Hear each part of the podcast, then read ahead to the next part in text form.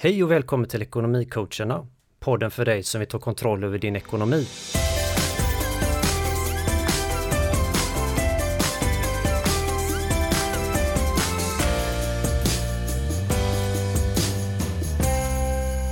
Jag heter Per Christian och jobbar som budget och skuldrådgivare i Göteborgs stad.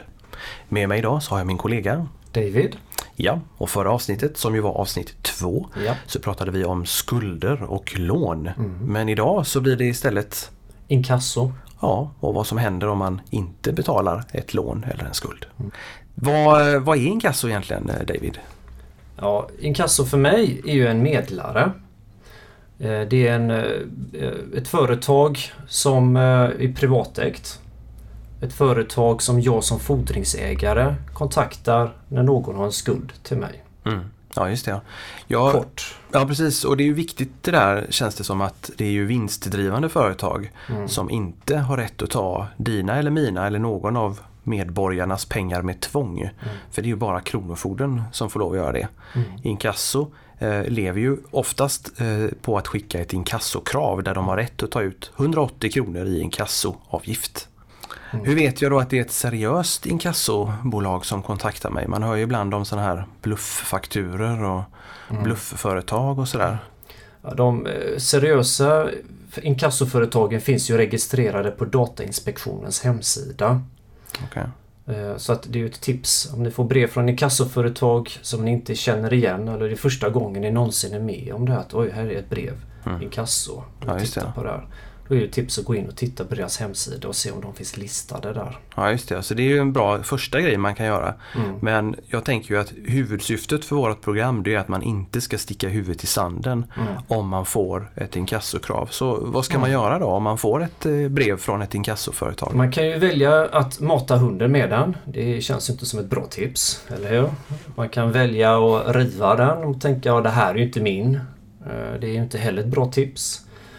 Eh, Utan att får man ett brev eh, så tycker jag det är bra att kontakta inkassoföretaget. Speciellt om man känner sig osäker på vad handlar den här skulden om? Eller är den en del utav olika skulder jag kan ha fått? Mm. Eh, Och det är första steget. Att reda ut vad handlar skulden om? Mm. Och det är lyft på luren. Man kan även skriva till dem också. Att man bara hör av sig till dem. Mm. Och speciellt då om man inte klarar av att betala.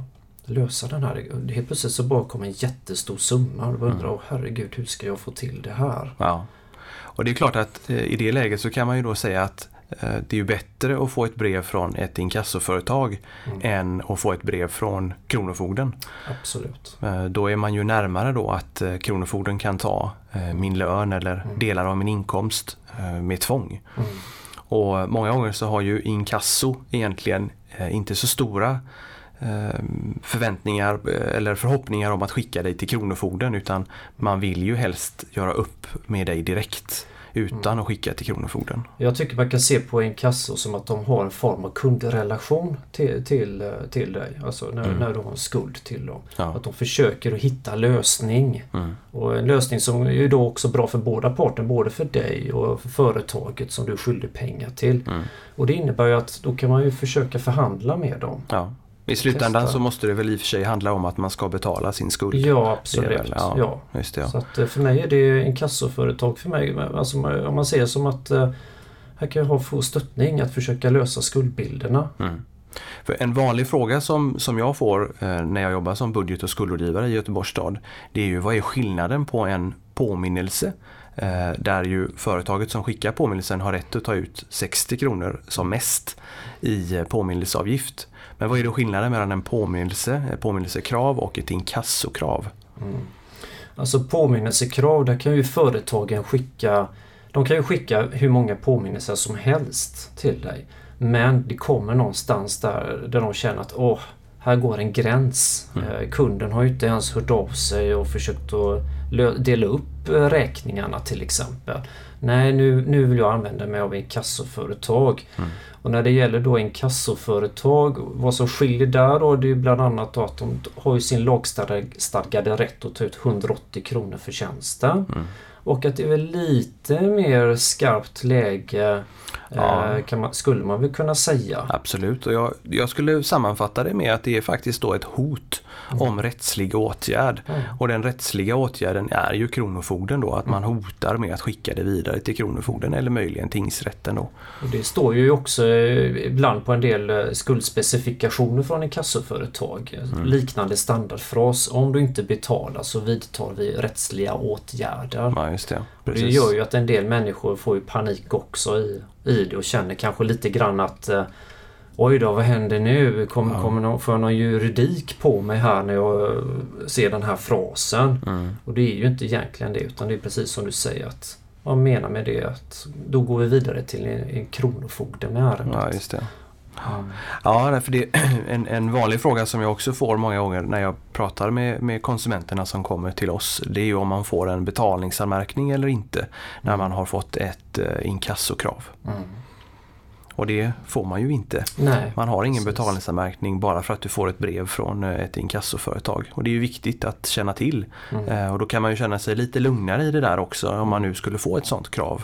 Mm. Ehm, Och som du säger då, stick inte huvudet i sanden Mm. och kontakta eh, inkassoföretaget eller den du är skyldig pengar från början också.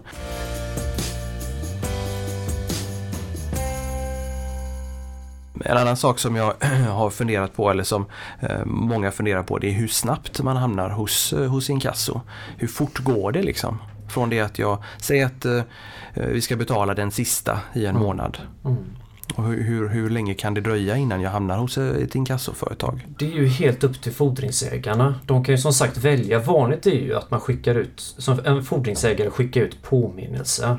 Påminnelser. Och det kan ju gå ganska fort, Mm. inom en vecka. Mm. Så det är upp till dem att välja om de vill skicka ut påminnelse eller gå direkt till inkasso. Så de måste inte skicka ut en påminnelse Nej, då? det måste de Okej, inte. Ja, Men det finns vissa fall där de måste. Det här med Ja, just parkeringslapp.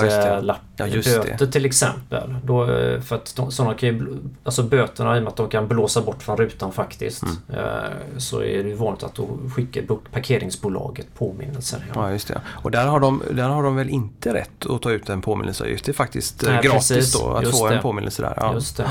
Mm. Sen är det upp till dem med då och de tröttnar på konsumenten och eh, tröttnar på en att eh, ja, nu skickar jag det här vidare till en kassa. Så att det är upp till fordringsägare antingen att skicka påminnelse, skicka direkt till inkasso eller till och med skicka direkt till Kronofogden. Ja. Det är helt upp till dem. Mm. Det, men vanligt är ju att påminnelser och sen inkassoföretag, det är en vanlig ja, just det. Ja. väg. Och där är det ju, inkasso måste ju vänta i alla fall åtta dagar innan man kan skicka vidare där då till Kronofogden. Mm. Så att då har man ju lite tid på sig och det är ju ändå en process som tar några veckor det här. Så att förhoppningsvis då så, så har man hunnit att komma hem från sin, sin Ja. utlandsresa eller eh, hittat brevet eller någonting sånt där. Då. Så att man har ju Precis. hyggligt med tid på sig att betala, eh, Mm. betala räkningen. Mm. Det har man ju. Räntorna är ju ingenting som kommer från inkassobolaget då. Det är alltså inte de som sätter eh, räntan eller bestämmer räntan utan Mm. räntan bestäms ju egentligen i det ögonblicket när du skriver på avtalet med den du lånar pengar av eller den som du beställer en tjänst av. Om det är ett telefonbolag eller, Mm. eller ett elbolag. En vanlig dröjsmålsränta det är ju till exempel 8% plus gällande, gällande referensränta. Ja. Det är en ganska vanlig eh, dröjsmålsränta. Mm. Men det finns ju många som har betydligt högre eh, räntesatser såklart. Mm. Det får vi se ganska ofta i vårt arbete som budget och skuldrådgivare. En sak som jag tänker på Per Christian, det Ja. är ju att vi möter ju upp många som kommer med sina skulder Mm. till oss. De kommer med skuldspecifikationerna till inkassoföretag Ja. och eh, breven är ju oftast oöppnade ja, många gånger. Och gamla. och gamla. Ja. Mm.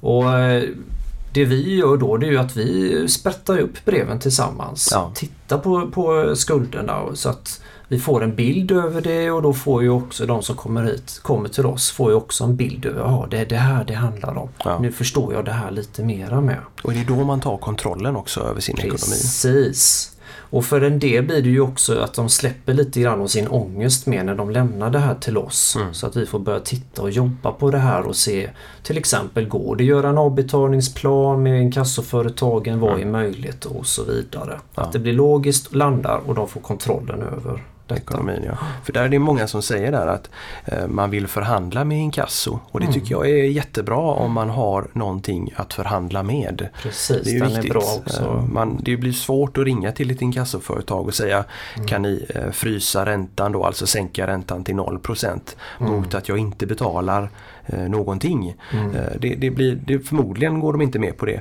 Eh, Utan eh, bra är ju då om man har någonting att förhandla med. Till exempel om man eh, har varit sjukskriven länge eller, eller arbetslös och sådär.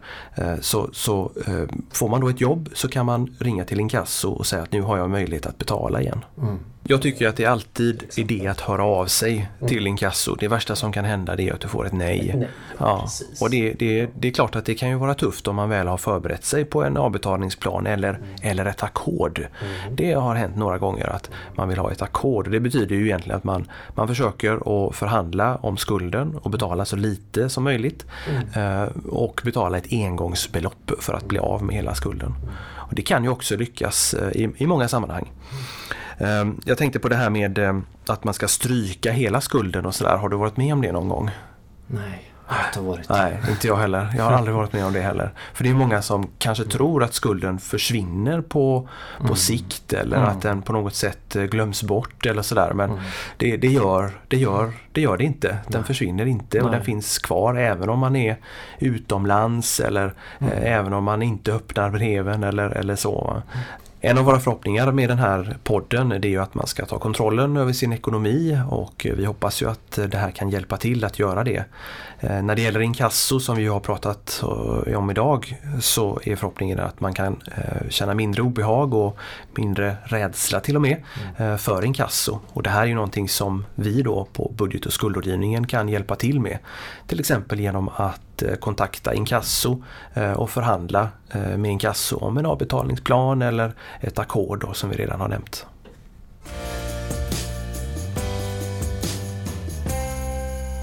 Ja, nu börjar vi ju att närma oss slutet på våran eh, podd om inkasso, David.